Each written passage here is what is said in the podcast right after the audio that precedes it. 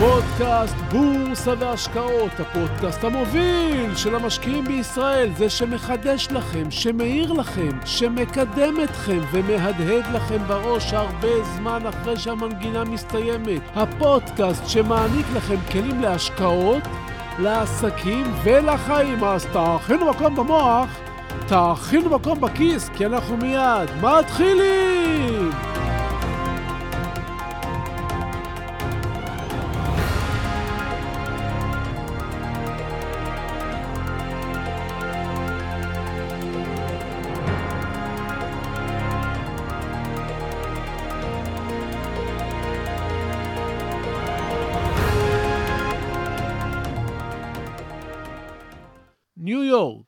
שעת צהריים, אזור ה Times Square, הומה אנשי עסקים ממהרים. בפינה מוצלת ונעימה, גבר עומד ליד בניין משרדי מצופה גרנית שחורה ומעשן סיגר. ניגש אליו עיתונאי ואומר, שלום, אני מעיתון ה Wall Street Journal. האם אפשר לשאול את אדוני מספר שאלות? הגבר מביט בשעונו, מביט בעיתונאי ועונה, כן, אני לא ממהר. אני עושה כאן תחקיר עיתונאי ואני רואה שאתה מעשן סיגר משובח. איזה סיגר זה? קוהיבה, עונה הגבר ששמו ג'ו. כמה זמן אתה מעשן סיגרים של קוהיבה, אדוני? שואל העיתונאים, וג'ו עונה לו, מעל 30 שנה. כמה סיגרים, אדוני, מעשן ביום? שואל העיתונאי. אני קוטם שלושה סיגרים ביום, עונה ג'ו, תוך שהוא שולח לשמיים סילון של עשן כחלחל. ואם מותר לי שאלה אחרונה, אדוני, כמה עולה סיגר אחד? שואל העיתונאי. 100 דולר, עונה לו ג'ו. העיתונאי מוציא מחשבון כיס ומתחיל לחשב. אחרי דקה הוא אומר לג'ו, אתה יודע, עשיתי חישובים והגעתי למסקנה שאם לא היית מעשן, היית יכול לחסוך את הכסף, להשקיע אותו לאורך השנים במדד הנסדק, ועם הכסף שהיה לך היום, היית יכול לקנות את הבניין משרדים המפואר הזה, שלעמוד שלו עכשיו אתה נשען. ג'ו מביט בעיתונאי בחיוך ושואל, אתה מעשן? העיתונאי אומר לו, לא, אני לא מעשן. ג'ו שואל אותו, יש לך בניין משרדים מפואר כזה? העיתונאי אומר לו, לא, לצערי אין לי. צוחק ג'ו ואומר לו, נו, אתה רואה, אני גם מעשן, וגם הבניין המפואר הזה שייך לי. שלום וברוכים הבאים לפודקאסט בורסה והשקעות, הפודקאסט המוביל של המשקיעים בישראל. והיום נדבר על הטיות, על מחשבות והזדמנויות, נדבר על השקעות, רעיונות וכמובן עוד דברים מעוררי חשיבה. אז תהיו ממוקדים, תכינו מקום במוח, תכינו מקום בכיס, כי הנה אנחנו מיד ממשיכים.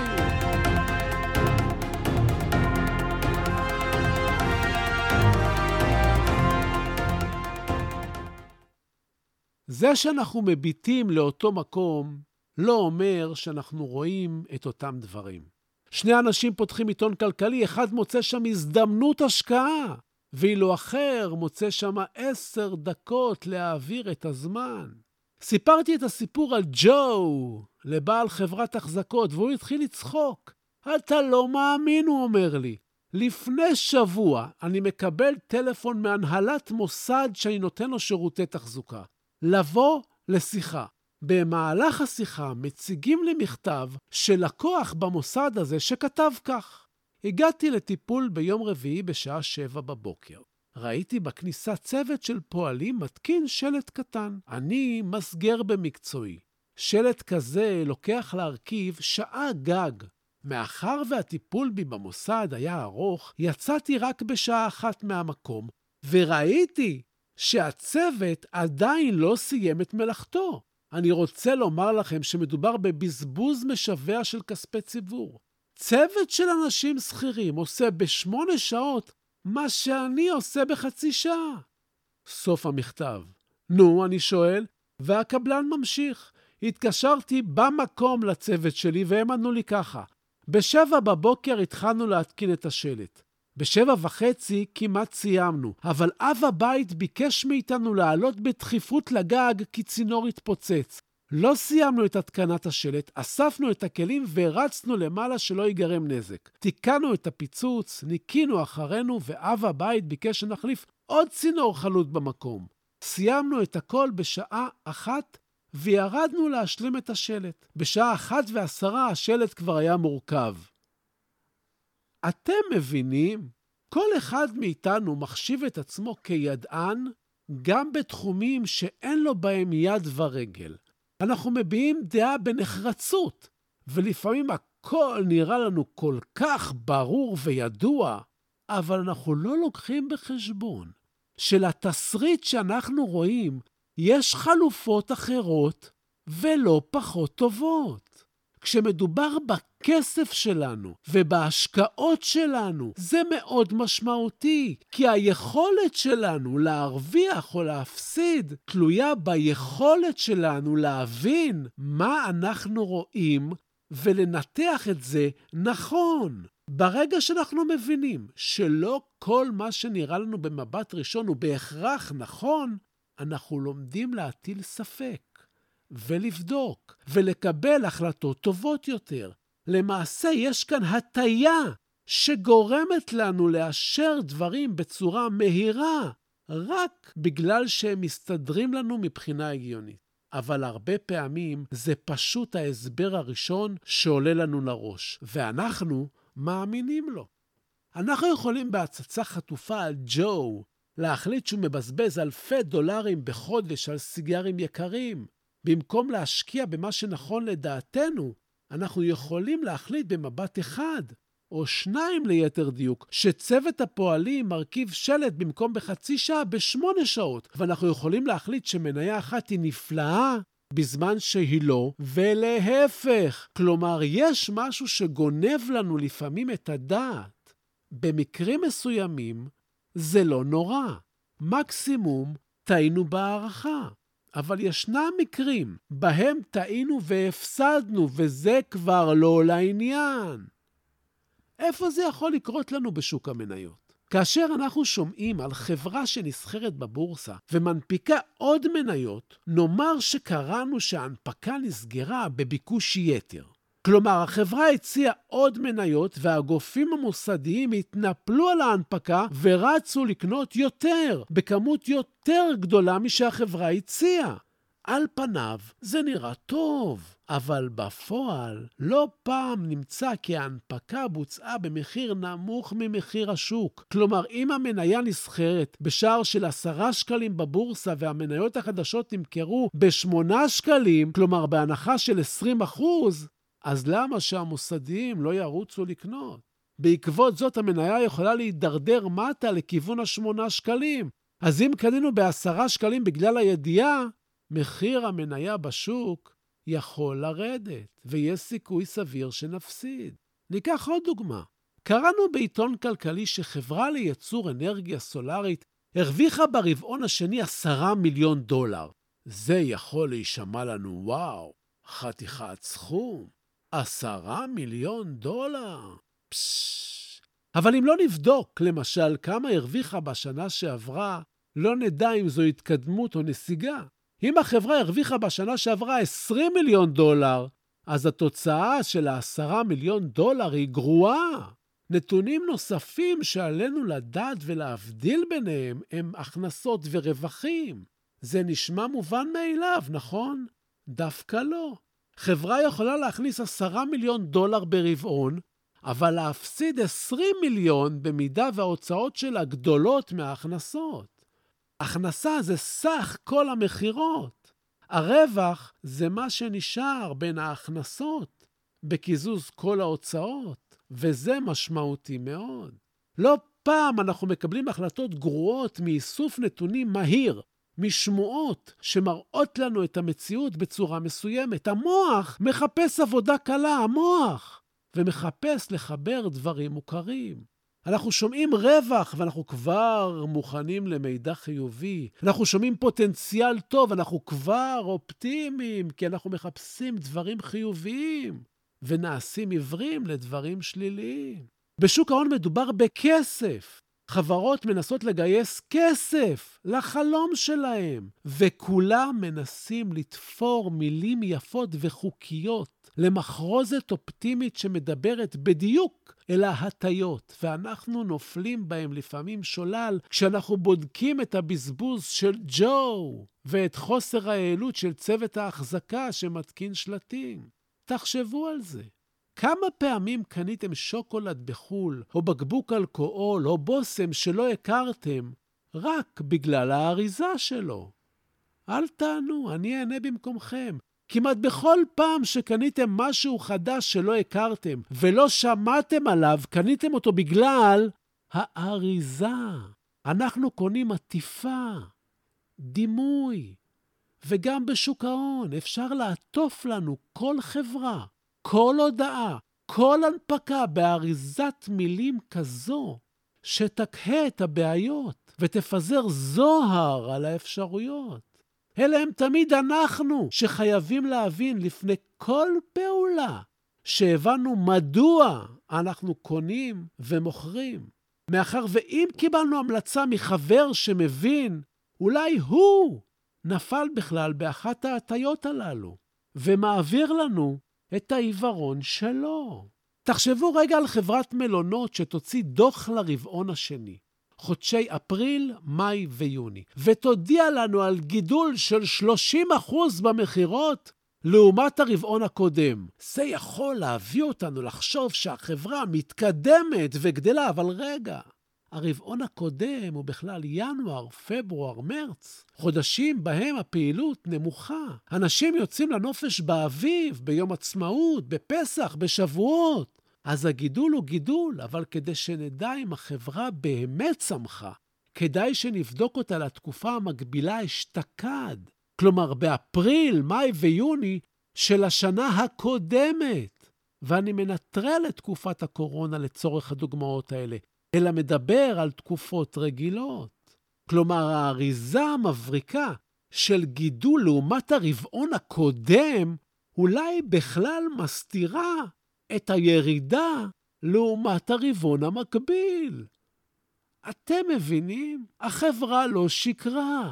היא אכן גדלה ביחס לרבעון הקודם, אבל עלינו לבדוק בעצמנו אם יש כאן מרכיב של עונתיות. נקודה נוספת שאני רוצה להעלות בפניכם היא הטיית הבעלות. ברגע שיש לנו משהו ששייך לנו, אנחנו רואים אותו אחרת. בעיני האם, הילדים שלה תמיד יפים, גם אם אובייקטיבית הם לא. כל קוף בעיני אמו הוא צבי.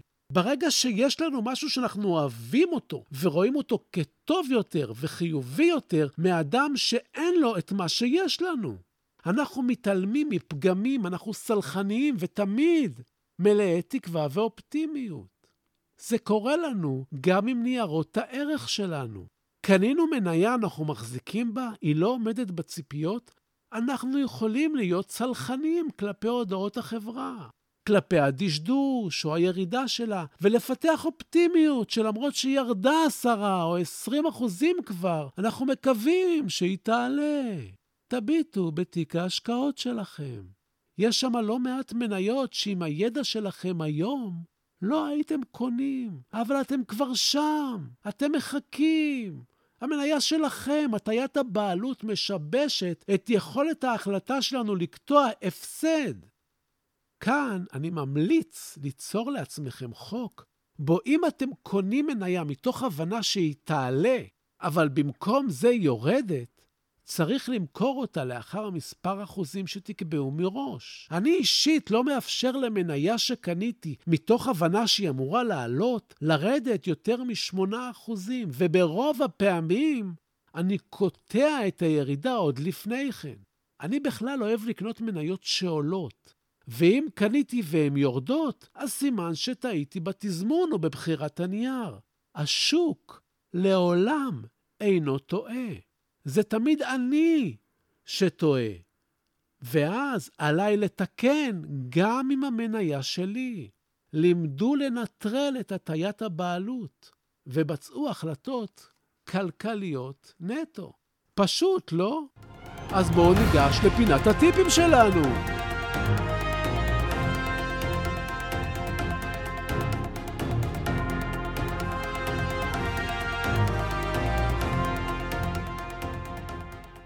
אני רוצה לעשות לכם הכרה קצרה עם אפרת. מודל אפרת, שיאיר לכם נקודה נוספת ויעניק לכם כלי נוסף. אפרת אלה ראשי תיבות של המילים אירוע, פרשנות, רגש, תגובה. בכלל בחיים, כאשר יש אירוע מסוים, אנחנו נותנים לו פרשנות ומגיבים. האירוע בדרך כלל אובייקטיבי, אבל השאר סובייקטיבי, ואני אסביר. ניקח דוגמה מהעולם שלנו, של שוק ההון. בתחילת המסחר בבורסה מניה מסוימת עולה ב-7%. זה החלק האובייקטיבי. היא עולה ב-7%. אלה עובדות שלא נתונות לפרשנות. מכאן, כל מה שקורה הוא סובייקטיבי לחלוטין. אנחנו ממהרים לפרש את העלייה כמשהו חיובי, שקורה כרגע לדוגמה. הרגש שלנו מפתח מיד פחד להחמיץ הזדמנות, ואנחנו מגיבים בקנייה חפוזה רק כדי להיווכח שבמהלך היום המניה חוזרת לשערה בתחילת המסחר.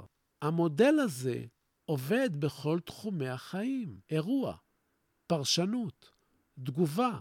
למשל, כשאנחנו עוברים במעבר חצייה ושומעים לפתח חריקת בלמים, אנחנו מפרשים את האירוע כסכנה מתקרבת. הרגש שמשתלט עלינו הוא פחד, והתגובה היא ריצה.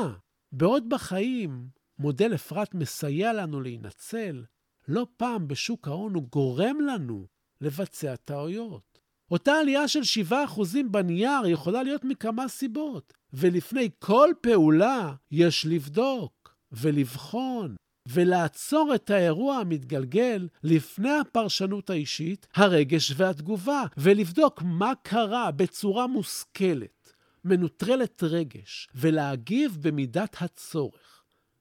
תמיד תזכרו, אין צורך בבהילות. מניה טובה תהיה כזאת גם מחר, גם בעוד שבוע, גם בעוד חודש. לא צריך לרוץ. אם היא טובה, היא תמשיך להיות טובה. מספיק שתשאלו לפני כל פעולת מסחר, מה בדיוק מניע אותי לקנות ולמכור, ולוודא שזה לא הרגש בעקבות פרשנות מהירה לאירוע, וכבר הרווחנו את יומנו. הנה, עוד אחוז אחד קדימה. אה, דבר נוסף שאני חייב לציין, שלמרות שאני פונה בפודקאסט הזה, בלשון זכר זה רק מטעמי נוחות. הפודקאסט הזה פונה לנשים וגברים כאחד. בסדר? אז זהו לנו להיום, ובסיום אני שב ומציין כי אין במה שאני אומר המלצה מקצועית או ייעוץ מקצועי, אלה תמיד כדאי לקבל מיועץ מוסמך עם רישיון. לי אין, אני רק משתף אתכם במה שאני חושב.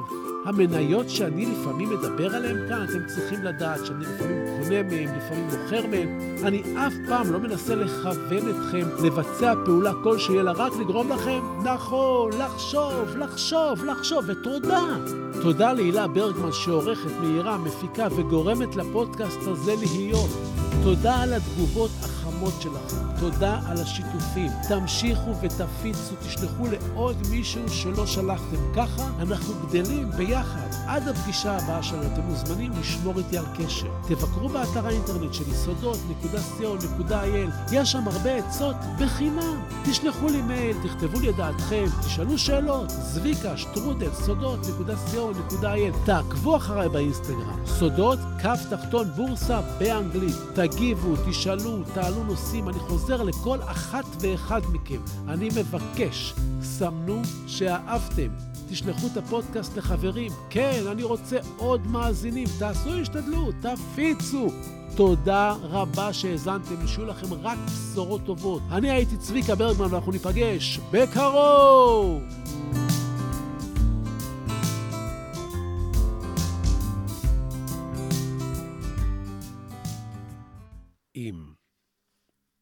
רודיארד קיפלינג אם תוכל לשמור על שקט וקור רוח, עת מסביב לך שוררת מבוכה.